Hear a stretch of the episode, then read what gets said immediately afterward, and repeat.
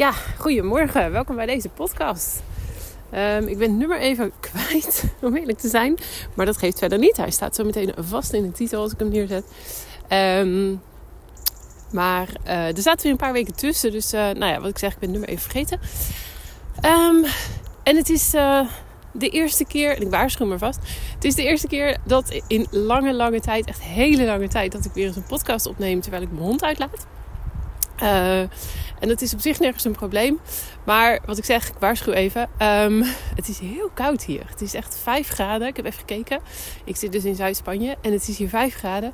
En dat is net zo koud als in Heerlen op dit moment. Daar woont mijn vader. Zelfs in Utrecht is het op dit moment warmer met 8 graden. Dus... maar goed. Verder geeft dat niet. Ik vind dat altijd alleen maar lekker. Want we hebben natuurlijk heel veel heet uh, weer. En ik vind zo'n kou af en toe lekker. Dus ik loop ook echt met mijn handschoenen en mijn muts op. Maar... Um, hoe heet het? De uh, waarschuwing heeft daar ook mee, mee te maken. Mijn ervaring is, of was eigenlijk voorheen, dat als ik een podcast opnam terwijl ik mijn hond aan het uitliepen, uitlaten, uitlaten was, uh, dat ik dan wel eens af en toe op de pauzeknop moest drukken. Als bijvoorbeeld andere hond tegenkwamen of zo. Um, het is een beetje lastig met handschoenen. Ik heb het net even geprobeerd. dat werkt niet. Dus het kan zijn dat er af en toe een beetje zo gerommel tussendoor zit. Omdat er dan iets gebeurt. Ik heb heel snel mijn handschoen uit moet doen om op de buisknop te drukken. Om vervolgens, um, weet ik het veel, mijn hond te roepen of zo. Uh, dan weet je dat vast. En uh, mocht je af en toe wat gekraak of zo op de achtergrond horen. ook dat is helemaal normaal. Dat is mijn hond. Die heeft sinds kort een ja, wij noemen het eigenlijk kart. Maar het is eigenlijk een rolstoel. Lang verhaal. Um, maar hij kan niet goed lopen. En uh, hebben we een half jaar mee gelopen, Hannes. En we hebben sinds kort de beslissing genomen om een rolstoel te kopen. En het is helemaal geweldig. Hij kan weer lekker zelf lopen. Op twee poten en zijn andere achterpootje hangen dan achter op die, in die rolstoel eigenlijk. Maar dat ding kraakt dus een beetje. Um, omdat het met hem mee beweegt. Dus dan weet je dat. Je hoort hem hier misschien. Misschien hoor je het ook wel helemaal niet. Maar goed. Dus dat even ter lange inleiding van deze podcast. En verder gaat hij denk ik niet zo heel erg lang worden. Um, ik wil het hebben met, uh, met je hebben over omzetdoelen vandaag. Daar heb ik een mening over. Dat ik het heel vaak mis zie gaan bij ondernemers. Um, vaak ook in het begin bij mijn klanten. Dus daar wil ik het echt even met je over hebben. Maar oei, hij wordt niet heel lang. Anders rij je even aan joh. Omdat ik, ik moet ook eerlijk zeggen, ik vind het ook wel een tikkeltje een uh, uitgekoud onderwerp. Iedereen praat natuurlijk over omzetdoelen. Het is ook het einde van het jaar. Dus ik snap dat ook wel. Maar um, ik wilde toch even um, ja, mijn visie met, met je delen. Want nou, de meesten die omzetdoelen delen, dat zijn vaak business coaches. En die zitten er zonder oordeel vaak ofwel in van de energiekant. Zo van, oh, je moet het manifesteren. En als het maar goed is met je energie, dan, dan kan je ton, een ton doen. Een ton of, of, of multiple ton. Uh, weet dat? Multiple six figures. Multiple tons. Een uh, aparte combinatie van multiple six figures. Of nou ja, wat dan ook. Of nog meer. Of ze zitten er heel erg in van de strategische kant. Ook dat no judgment. Um, en met strategische kant bedoel ik van, nou ja, je moet gewoon kijken hoe kan ik zoveel van zoveel programma's verkopen tegen deze prijs. Maar ik wil hem eigenlijk uh, van de andere kant benaderen en, benaderen. En dat is eigenlijk niet van de business kant, maar natuurlijk mijn passie. En dat is uh, je persoonlijke financiën. En waar ik het zo vaak fout zie gaan, is um, dat als ik ondernemers vraag of mijn klanten vraag, joh uh, wat is je omzetdoel of zo? We hebben het erover. Of wat is je omzetdoel voor volgend jaar? Ik heb een aantal, in december met name, heb ik heel veel calls met oud klanten. Die boeken dan nog eens eenmalig per jaar een jaarcall met mij in. Um, dan trekken we nog eens even alles recht. Kijken of alles nog goed staat. Welke doelen zijn er veranderd. Um, nou ja, er zijn altijd elk jaar wel dingen die bijgesteld moeten worden. Kijken we ook even opnieuw naar een pensioeninleg, dat soort dingen. En ik vraag dan natuurlijk ook altijd: wat is je omzetdoel voor, dit jaar, voor, die, uh, voor komend jaar? Nou ja. En ook daar zie ik het af en toe wel eens fout gaan. Want heb ik natuurlijk een jaar lang niet gesproken. Uh, en dan moeten we toch even aan herinnerd worden. Dat je omzetdoel in de basis puur en alleen moet komen vanuit wat heb jij nodig. Niet wat heb je vorig jaar gedaan. Of niet wat denk je dat mogelijk is. Of een percentage bovenop afgelopen jaar? Of wat klinkt er leuk? Hè? Eh, ik ga dit jaar voor de ton of wat dan ook.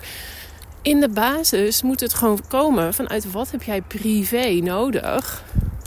Um, zodat jij je vaste lasten kunt betalen. Zodat jij kunt sparen voor je vakantie dit jaar. Um, maar ook kunt sparen voor die nieuwe auto die er mogelijk over vijf jaar aan moet komen. Of een reis die je uh, heel graag nog zou willen maken als de kinderen nog klein zijn. Of klein of, of nog thuis wonen of wat dan ook. Um, en wat heb je nodig om opzij te zetten voor je pensioen? Dat zijn allemaal dingen die horen allemaal meegenomen te worden. En in de basis moet je omzetdoel gewoon daarop gebaseerd zijn. Moeilijker kan ik het ook niet maken. Vandaar dat hij ook niet heel veel langer wordt, denk ik. maar op het moment dat jij weet, nou ja, ik heb dit nodig voor ja, die, ja, die, ja, die, mijn, mijn huur, hypotheek, mijn boodschappen, mijn benzine, mijn verzekeringen, nou ja, dat soort dingen. Ik heb dit nodig voor um, dingen als kleding, cadeautjes, vakantie. Hè, dat zijn wat van die onregelmatigere, dat is waarschijnlijk geen woord, meer onregelmatige uitgaven. Plus, ik heb ook dit nodig voor lange termijn spaardoelen en ook mijn eigen pensioen. Ja, dan is het eigenlijk heel makkelijk om van daaruit natuurlijk terug te gaan rekenen. En te kijken, nou ja, als dit mijn salaris is, wat ik nodig heb. Wat zijn mijn kosten? Zit je vast? Wat zijn mijn kosten? Dat heb ik dus tegen mijn hond, niet tegen, niet tegen jullie als luisteraar. Die zit niet vast. Um, wat zijn mijn kosten die ik daar zakelijk bij uh, op moet tellen? Wat zijn dingen als uh, zakelijke reserveringen die ik heb? Bijvoorbeeld een buffer die je op aan het bouwen bent. Of um, weet dat geld dat je opzij aan het zetten bent voor een zakelijke investering. Kan natuurlijk ook, die mag er ook bij komen. En um, nou ja, niet vergeet natuurlijk de belasting. Tel die er allemaal even bij op. En je hebt simpelweg je omzetdoel. En dat betekent dan natuurlijk niet dat dat je omzetdoel moet zijn.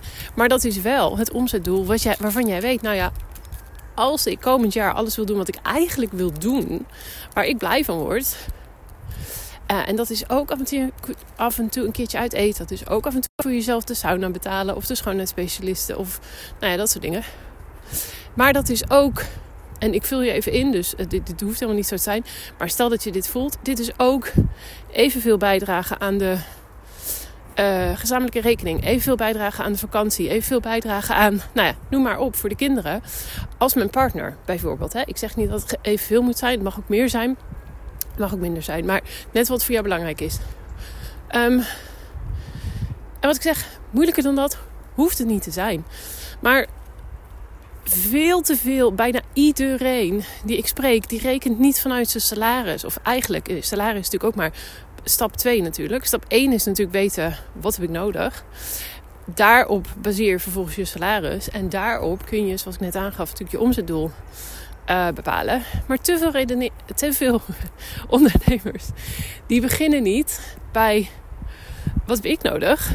En redeneren terug naar hun bedrijf en rekenen terug naar hun bedrijf. Maar die beginnen vanuit hun bedrijf. En die bekijken, nou ja, wat is realistisch of wat is omzet dit jaar? Bla bla bla. Ja, maar ja, dan, dan kun je beter in loondienst. Want, weet het? Dan is de kans heel erg groot dat jouw bedrijf helemaal niet jou dient op de manier dat het zou moeten. En dat is natuurlijk ruim salaris kunnen betalen voor alle dingen die je wilt doen. Ruim genoeg salaris betalen voor jou betalen voor uh, nou, lange termijn doelen en dromen die je hebt. En dan ook nog eens op een manier die jou in staat stelt iets te doen wat jou onwijs leuk vindt. En dat is hopelijk dat wat jij op dit moment doet als ondernemer. Waarom zeg ik dat je een betere loondienst kunt? Omdat je dan waarschijnlijk uh, soms dingen moet doen die je niet altijd leuk vindt. Maar mogelijk krijg je dan wel een beter salaris uitgekeerd als je, op, hè, als je niet op die manier naar je eigen um, uh, hoe dat, salaris en dus omzet kijkt als ondernemer.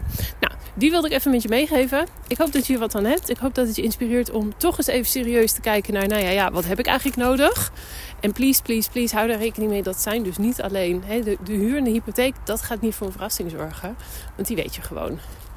Um, het zijn al die andere kosten die we zo vaak vergeten, maar die vaak zo'n enorme impact hebben.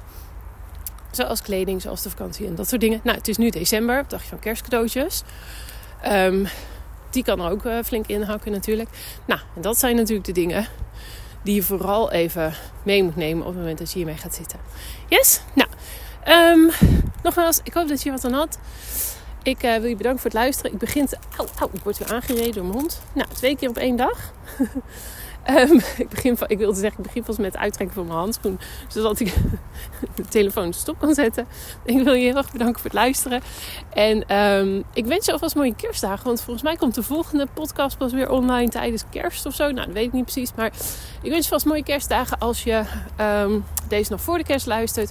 Onwijs toffe jaarwisseling als je deze nou, rond die tijd luistert. Of ook nu nog voor de kerst. Dan heb je natuurlijk ook recht op een... Of tenminste, wens ik je natuurlijk ook. Heb je geen recht. Maar wens ik je ook een mooie jaarwisseling.